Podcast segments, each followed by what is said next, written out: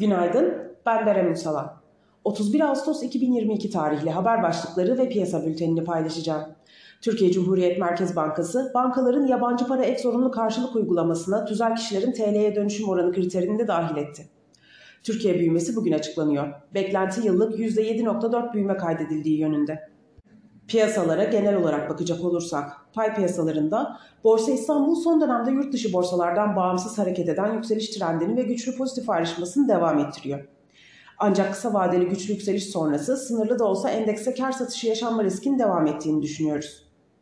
Güçlü bilanço beklentilerinin devam etmesi ve yüksek negatif reel faiz ortamında hisse senetlerinin TL varlıklar arasında şu an tek alternatif yatırım aracı olarak görülmesi nedeniyle endekste kar satışları yaşansa da bu durumun alım fırsatı olarak kullanılarak yükseliş trendinin devam etmesi beklenmektedir.